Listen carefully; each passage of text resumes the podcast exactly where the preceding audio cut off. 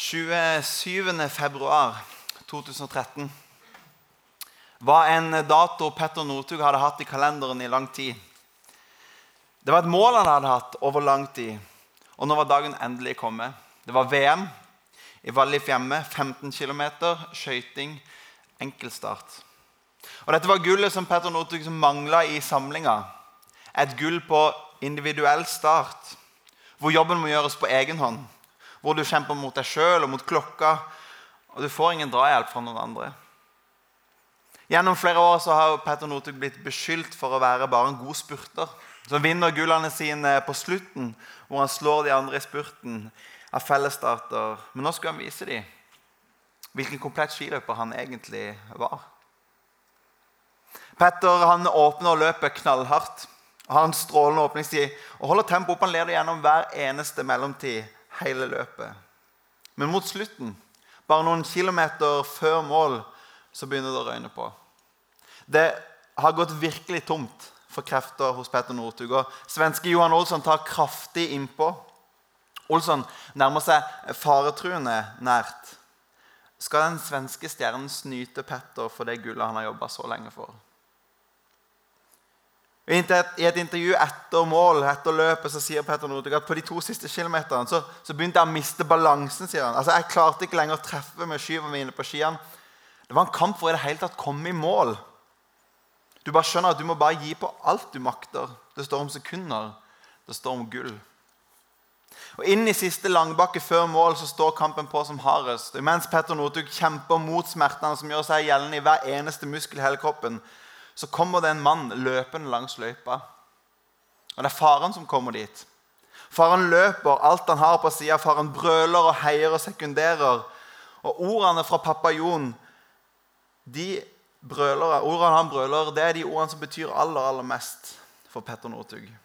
Ordene som han bruker når han heier og sekunderer og brøler, det er ordene som har satt så dype spor i Petter. Det er de siste ordene som Petter mottok fra sin bestefar som liten gutt. De siste ordene som bestefar hadde å si til Petter at han har kjempa mot alvorlig kreft i lang tid.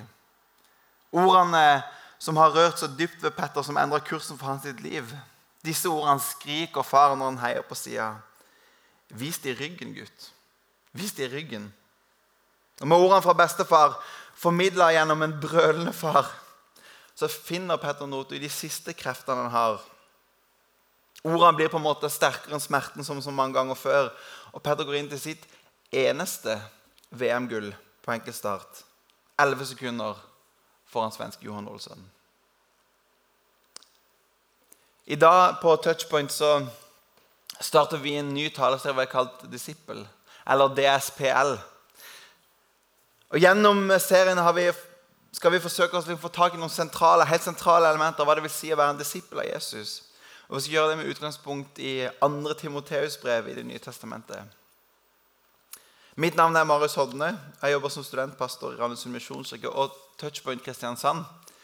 Og har fått gleden av å få lov til å komme her og starte denne serien, som er fra eh, 2. Timoteus brev. Og I dag skal jeg få lov til å starte med første kapittel. Men før jeg går dit, og før vi leser fra første kapittel, så har jeg lyst til å fortelle dere litt om dette brevet. som er utgangspunkt for denne serien. For det er ikke tilfeldig at jeg starter med å fortelle om Petter Northug. her. Jeg er veldig fan av Petter Northug.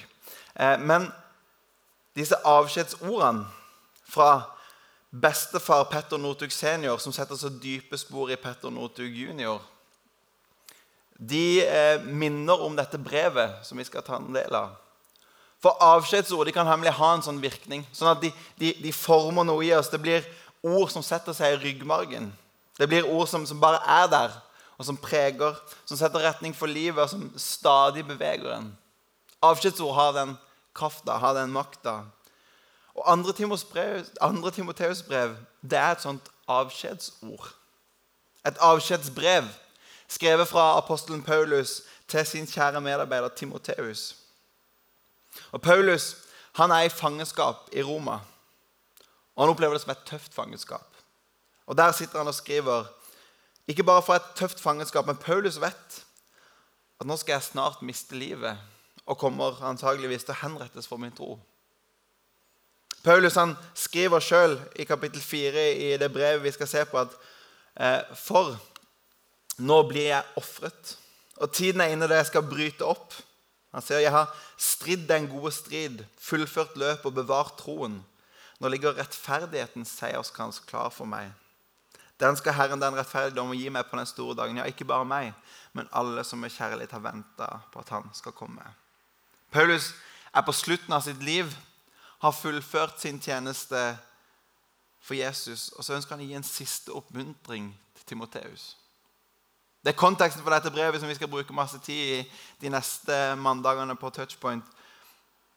Og Det er noen siste ord noen siste ord som Paulus ønsker å gi til Timoteus, som skal ha betydning for han. For hans kjære medarbeider og venn.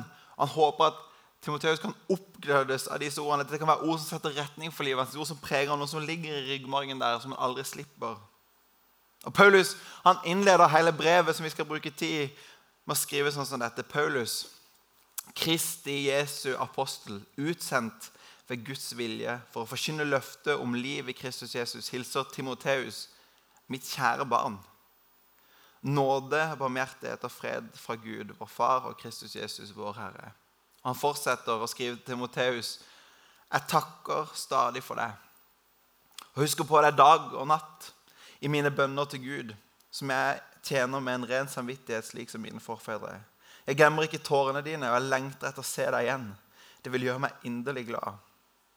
Jeg husker på din oppriktige tro, som først bodde i din mormor Louise og i din eh, mor Evenike. Og jeg er overbevist om at han også bor i deg. Kjærligheten som eh, Paulus har for Timoteus, den er veldig tydelig. Den ser dere når vi leser dette. 'Mitt kjære barn', innleder han. Og Han fortsetter å uttrykke sin takknemlighet for Timoteus. De to de har nemlig fulgt hverandre over mange år. De fikk på mange måter et veldig nært forhold, et nesten sånn far-sønn-forhold. Et helt spesielt vennskap. De var medarbeidere sammen for samme sak nemlig å forkynne Jesus.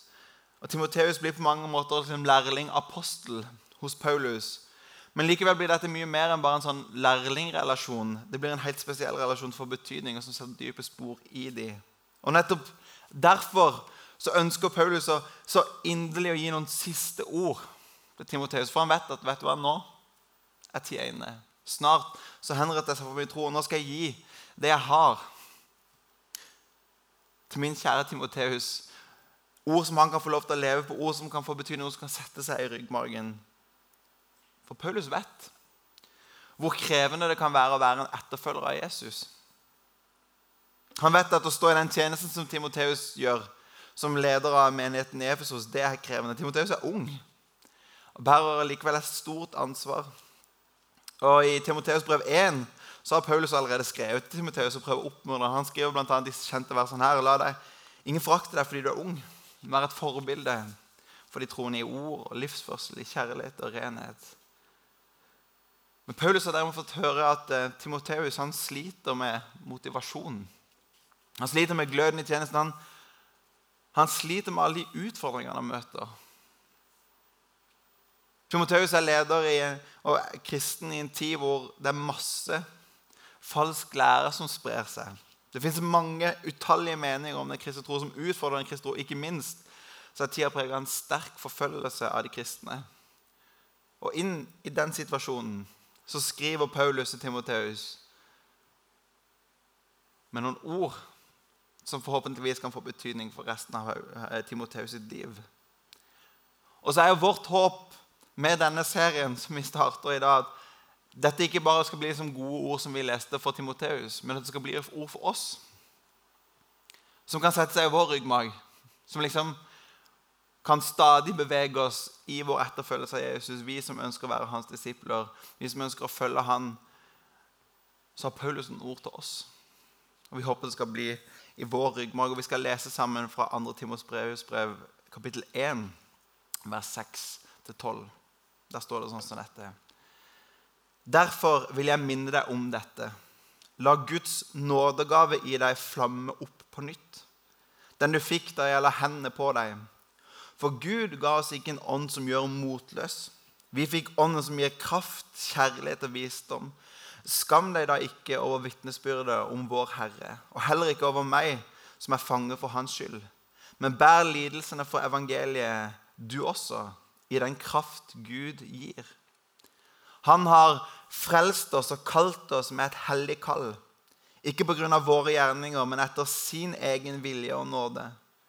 Som er gitt oss i Kristus Jesus fra evighet og som nå er blitt åpenbart ved at vår frelser Kristus Jesus kom til jord. Han har gjort ende på døden og ført liv og udødelighet frem i lyset ved evangeliet. For dette er jeg satt til herold, apostel og lærer. Derfor er det jeg lider, men jeg skammer meg ikke, for jeg vet hvem jeg tror på. Og jeg er overbevist av at han har makt til å ta vare på det som er blitt betrodd meg, helt til dagen kommer. Vi skal be om at Gud får lov til å tale til oss gjennom sitt ord. Herre Jesus, jeg takker deg for at når vi samles til touchpoint, så samles vi om deg. Og Det er deg, Jesus, vi ønsker å høre fra. Og Det er deg vi ønsker å takke med vår sang. Det er deg vi ønsker å tilbe. Jeg takker deg for ditt ord og ber om at du, Gud, må tale til oss gjennom ditt ord. Takk for ditt ord skaper. Jeg har lyst til å be om at ditt ord må få lov til å skape noe nytt i våre liv nå. I dag, Jesus. Må dine ord bringe liv til våre liv og møte oss akkurat der vi er. Akkurat sånn vi har det i de livene vi lever. I Jesu navn. Amen. Paulus han skriver med et stort hjerte og gir noen ord til Timoteus som han vil at dette skal sette seg i ryggmargen. Dette skal sette kursen for Timoteus sitt liv. Det blir noen viktige ord, og det er viktige ord til oss òg. Og det er noen ting som jeg har lyst til å dele med dere, som jeg tror faktisk kan være til oppmuntring og til betydning.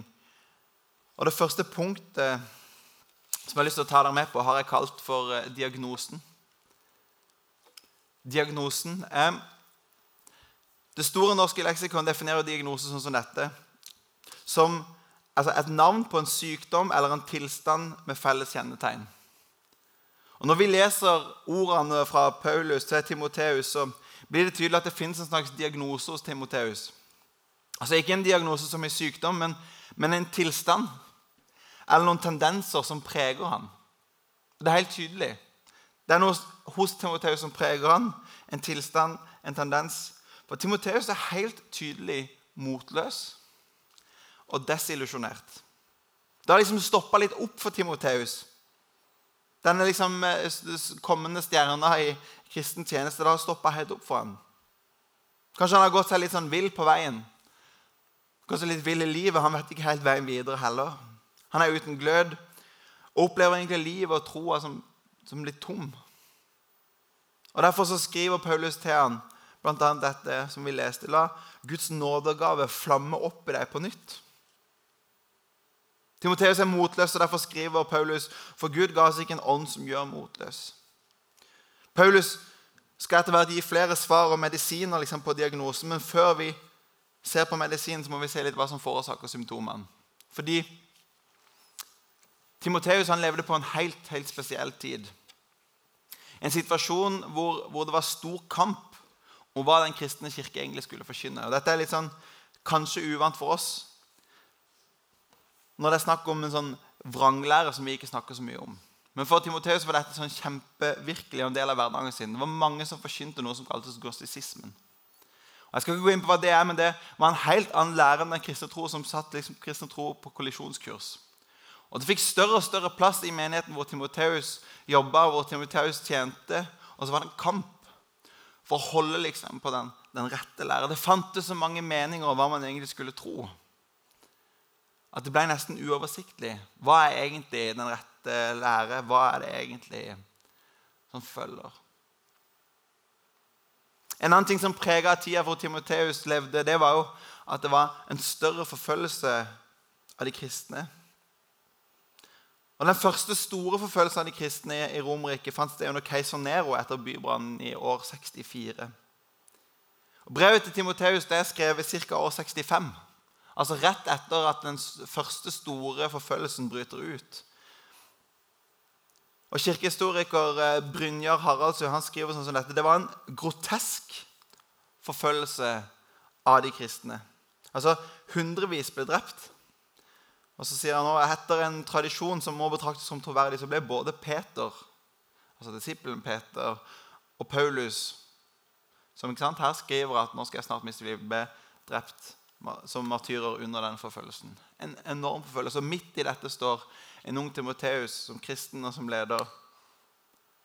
Og Situasjonen fører til at Timoteus blir helt motløs. Ikke bare motløs, men han er tom og desillusjonert. Hvordan skal jeg være en etterfølger av Jesus midt i alt dette? Det kan virke som han ikke bare liksom har gått seg litt sånn vill og er tom og motløs og ikke vet helt hva han skal gjøre med livet og troa si, men det kan nesten virke som han har gått til det punktet at han skammer seg over hva han tror på. Da hadde jeg merket at Paulus skrev noe dette. Paulus skriver Skam deg da ikke over vitnesbyrdet om vår Herre, og heller ikke over meg som er fange for hans skyld. Og så hadde jeg lyst til å ta dere inn hit fordi at jeg lurer litt på hvordan du kjenner det i den tida vi liksom lever som kristne. Kan du kjenne deg motløs og tom og desillusjonert, litt forvirra? Kanskje er du på en måte på samme punkt her som Timoteus. at Hva skjedde med den der troa som en gang var der? Hva med den brannen og engasjementet som jeg en gang hadde? Kan du kjenne at du skammer deg over den troa du har? Nesten sånn at du blir flau av å tilhøre liksom en kirke eller en kristen tro. For greia er at jeg tror dette er ganske gjenkjennbart. For i vår tid så handler det ikke om gnostisisme, som det snakka om her. Men vi lever i et utrolig sånn meningsmangfold. Har du lagt merke til det? Altså, Det er ikke så populært å hevde mange av de kristne sannhetene. som også har vi hatt reklame for Venitas-konferansen her. Vi hevder at det fins en sannhet. Det er heller ikke så populært. Det er et enormt meningsmangfold om alle mulige viktige ting i livet. Både for sannhet kan jeg tro på en Gud hvem er egentlig identitet osv. At hvis jeg skal være helt ærlig, så blir jeg helt forvirra. Litt sånn desillusjonert, sånn som Timoteus kanskje ble. Hva, hva skal jeg gjøre med alt dette? Hvordan skal jeg forholde meg til alt dette? Hva skal jeg egentlig tro? Vi lever i et kjempemeningsmangfold på samme måte som Timoteus. Og Selv om vi ikke kjenner på samme forfølgelse som Timoteus gjorde, for vi frykter sjelden for våre liv pga. vår kristne tro. Men jeg tror likevel at vi kan kjenne på utenforskapet. Altså den derre ja, Du er jo kristen, så vi inviterer ikke deg med der. på en måte. Kanskje så banalt som det. Eller på helt andre ting. Det, det er ikke så populært å hevde de tingene man hevder. Det er ikke så populært å stå ved en kristen tro, kanskje. Vi kjenner òg denne prisen på kroppen noen ganger av å tilhøre Jesus. Og Jeg tror ikke bare det er en sånn følelse jeg har heller. Men når laget, altså laget en kristen organisasjon, studentorganisasjon hadde en undersøkelse for bare to år tilbake, tror jeg, så fant de at ni av ti studenter, kristne studenter på universiteter i Norge forteller ikke om troa si til andre. Altså Det betyr at det bare er én av ti som forteller at de har en kristen tro og ønsker å dele den videre. Og kanskje sier det noe om at vi kjenner på noe av det samme som Timoteus gjør. En slags forvirring, en slags usikkerhet, en slags sånn motløshet, tomhet. Kanskje også en skam. Kan jeg virkelig fortelle andre at jeg tror på Jesus? Kan jeg, kan jeg virkelig stå i det og mene det? Jeg tror vi er på mange, mange, mange måter helt lik som Timoteus. Og Derfor er Paulus sitt budskap også til oss. Hva er det Paulus sier for når han sier La Guds nådegave i deg flamme opp på nytt? Liksom, la, la, la, det ta tak i deg på nytt. Du som kjenner at nå er det, nå er det tomt. Nå, jeg vet ikke hva som skjedde med den der troa jeg hadde. Kanskje er det ikke bare meningsmangfold eller, eller ytre motstand. Kanskje er det bare at livet bare tok meg med et sted. Livet bare skjedde, og så ser det litt annerledes ut enn hva jeg trodde det skulle gjøre. Livet ble annerledes enn hvordan jeg hadde tenkt. Men Paulus utfordret til å la, la det flamme opp for nytt i deg. La det få ny plass i deg. Han skriver videre, for Gud ga oss ikke en ånd som gjør motløs, men vi fikk ånd som gir kraft og kjærlighet og visdom. Han sier videre til Timoteus.: Bær lidelsene for evangeliet, du også, i den kraft som Gud gir. Det er fine ord, men hvordan får jeg til det? Hvordan skal dette liksom ta plass i meg på ny? Hvordan skal det ta bolig? Hvordan skal det flamme opp i meg på ny? Hvordan skal jeg kjenne at jeg ikke er motløs, men at ånden kan gi meg kraft og kjærlighet? Hva, hva, er det som er medisinen, på en måte? Det er jo det vi må ha tak i. Og det er det jeg har lyst til å dele med dere litt om. Hva er det som er medisin? Hva er det som er drivkraften? Hva er det som er bensin? Hva er det som er motivasjonen? Hva er det som istandsetter oss til nettopp det Paulus utfordrer oss. La det flamme oss opp på ny. Og For Paulus så er det dette som er medisin, det er dette som er løsninga. Det er evangeliet. Enkelt og greit. Helt tilbake til basic. Og Det er der Paulus skriver til Timoteus også. La oss lese hva han sa. Han har frelst oss og kalt oss med et hellig kall. Ikke pga. våre gjerninger, men etter sin egen vilje og nåde. Som er gitt oss i Kristus Jesus fra evigheten og som nå er blitt åpenbart ved at vår frelser Kristus Jesus kom til jord. Han har gjort ende på døden og ført liv og udødelighet fram i lyset ved evangeliet. Paulus sier at det er dette som er drivkraften, det er dette som er bensin, det er dette som er motivasjonen, det er dette som er medisin. Dette istandsetter deg. Dette kan få lov til å flamme opp i deg på nytt. Jeg har lyst til å understreke litt for deg. Hva er det det står for noe? Det står 'Han har frelst oss'. Jesus. Han har kalt oss ikke pga. min gjerning, men etter sin egen vilje og nåde, som er gitt oss i Kristus Jesus fra evigheten. Og som nå er blitt åpenbart ved at vår frelser, Kristus Jesus, kom. Han har gjort ende på.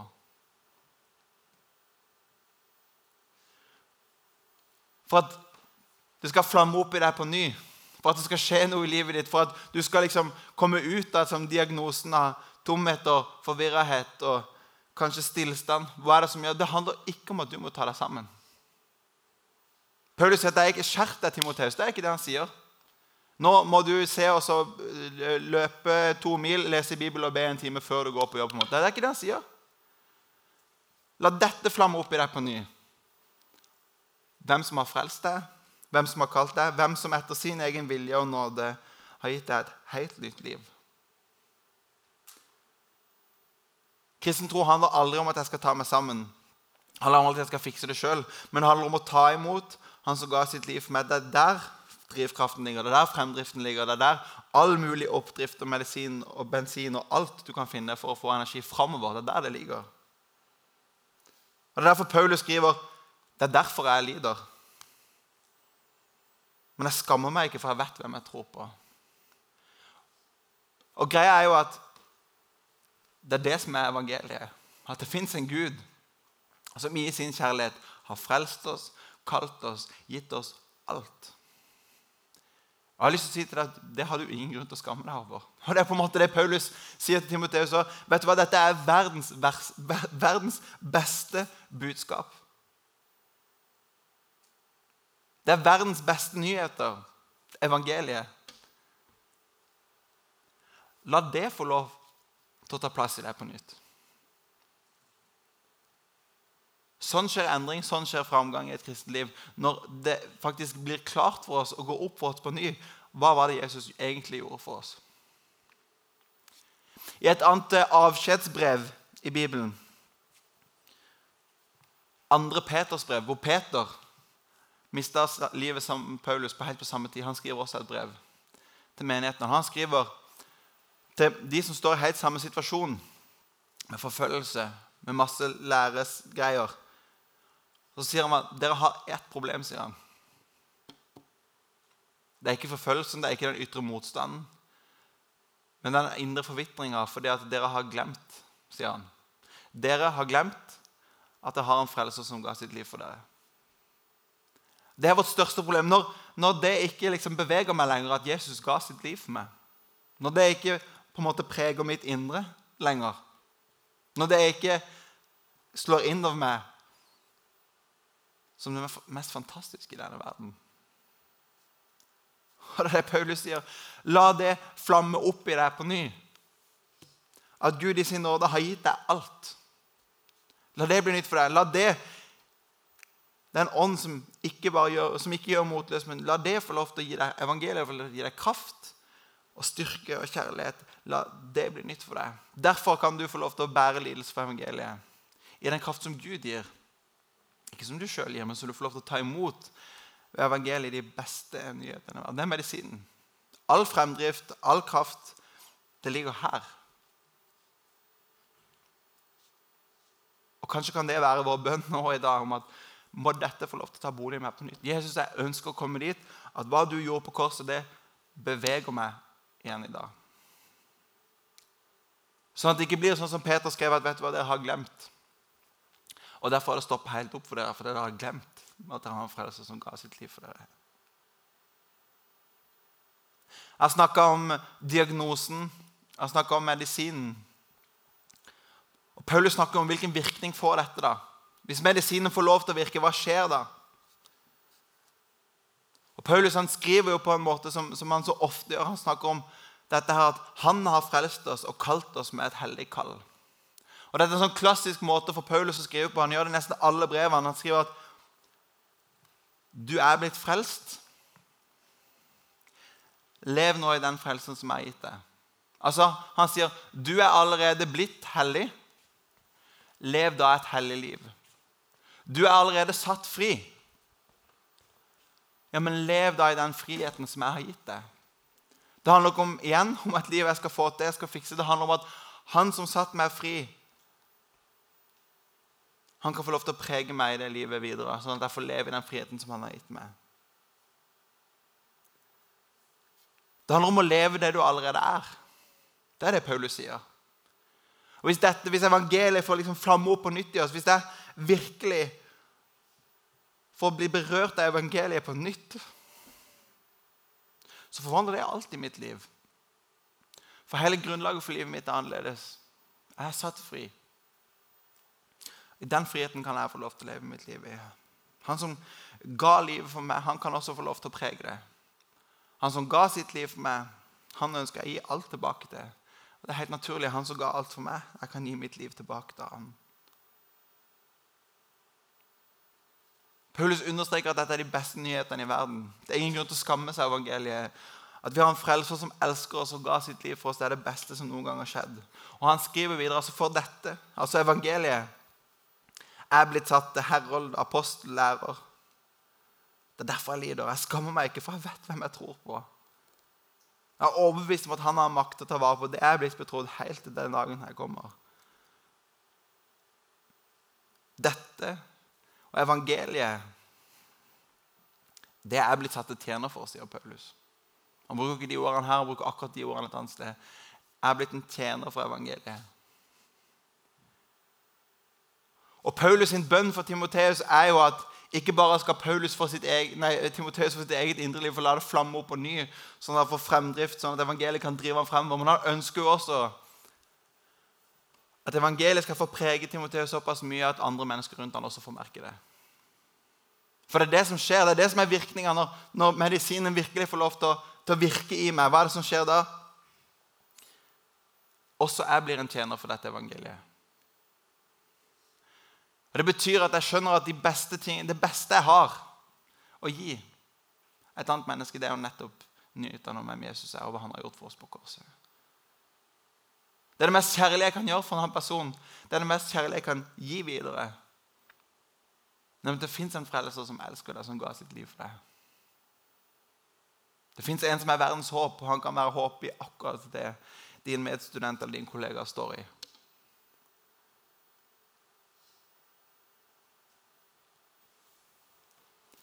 I en tid hvor det kan være ganske krevende, faktisk. Man kan kjenne prisen på kroppen av å være en kristen. Som Timoteus gjorde, så kan vi kjenne det. Og Så sier Paulus La Guds nådegave deg flamme opp på ny. La, det, la, evangeliet få flamme opp i det. La det ta plass i deg på ny. La det prege deg på ny at Jesus ga sitt liv for deg. Gud ga ikke noen som gjør motløs. Midt i den motløsheten du står på, kan du få lov til å oppleve at det er en ånd som kommer med kraft og kjærlighet og visdom. Ikke minst så sier han de lidelsene dere kjenner, prisen dere kjenner på kroppen, Bær lidelsen, bær prisen for evangeliet, du også, i den kraft som Gud gir. For betrodd med evangeliet så vet vi at vi har en Gud som går med, og som er nær. Og som istandsetter oss til å stå i det kristne livet som Gud har kalt oss inn til.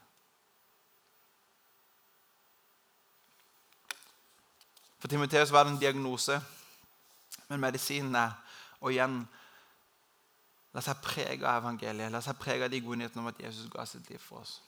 Og så kan det få lov til å virke i oss. Og jeg aner ikke hvordan dette lander hos deg, det har jeg sagt. Men kanskje kan du kjenne deg igjen i liksom diagnosen. På en eller annen måte, Om du, om du kjenner at liksom, du er litt motløs, at det har stoppa litt opp. på en måte. Det, det som en gang var et sånn brennende engasjement og ønske for, for Jesus, det, det, ser ikke sånn ut akkurat nå, hvis du skal være helt ærlig. Eller kanskje det er sånn at livet bare har tatt deg av i en retning. Livet bare har skjedd, og så på en måte ble ikke alt sånn som du hadde tenkt, og så dro bare livet den en vei. Så finner du deg, befinner deg på et sted hvor du liksom ikke ser helt veien tilbake. Hvor skal jeg gå nå? Hvor går veien videre nå? Kanskje du er bare forvirra i meningsmangfoldet og kjenner prisen virkelig på kroppen av, av tro.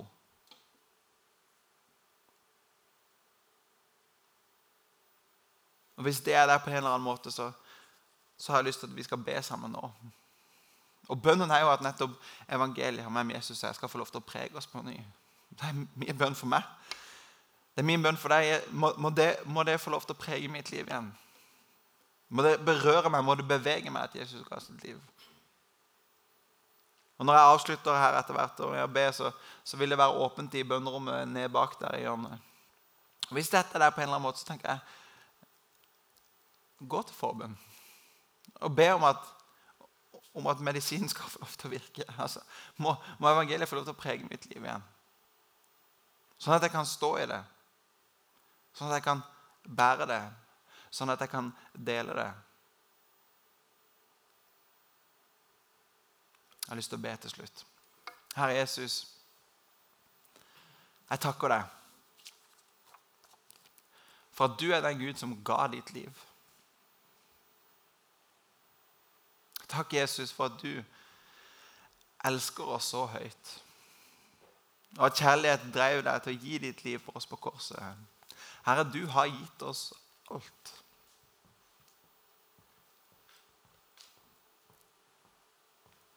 Og så ber jeg Herre om at du må hjelpe oss å innse det på nytt.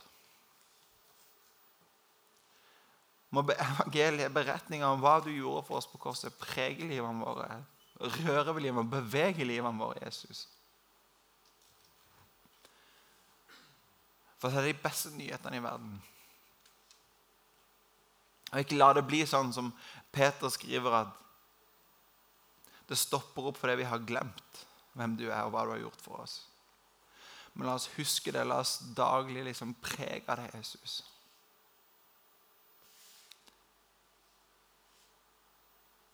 Jeg takker deg for at du er den Gud som kjenner oss, og som vet hvor hver enkelt av oss står, og hva som foregår i vårt liv og vårt indre, Herre. Og så har jeg lyst til å be om at du må se til hver enkelt av oss akkurat nå. Og du ser om vi er motløse eller desillusjonert, har gått oss vill i både liv og tro. Og så ber jeg om at du må komme til oss på ny, Herre, og røre ved oss med din kjærlighet, for det er det som er fremdrift. Lær oss på ny, Herre Jesus, at vi er elska av deg. Og la det få lov til å forandre våre liv. Det ber jeg om i Jesu navn. Amen.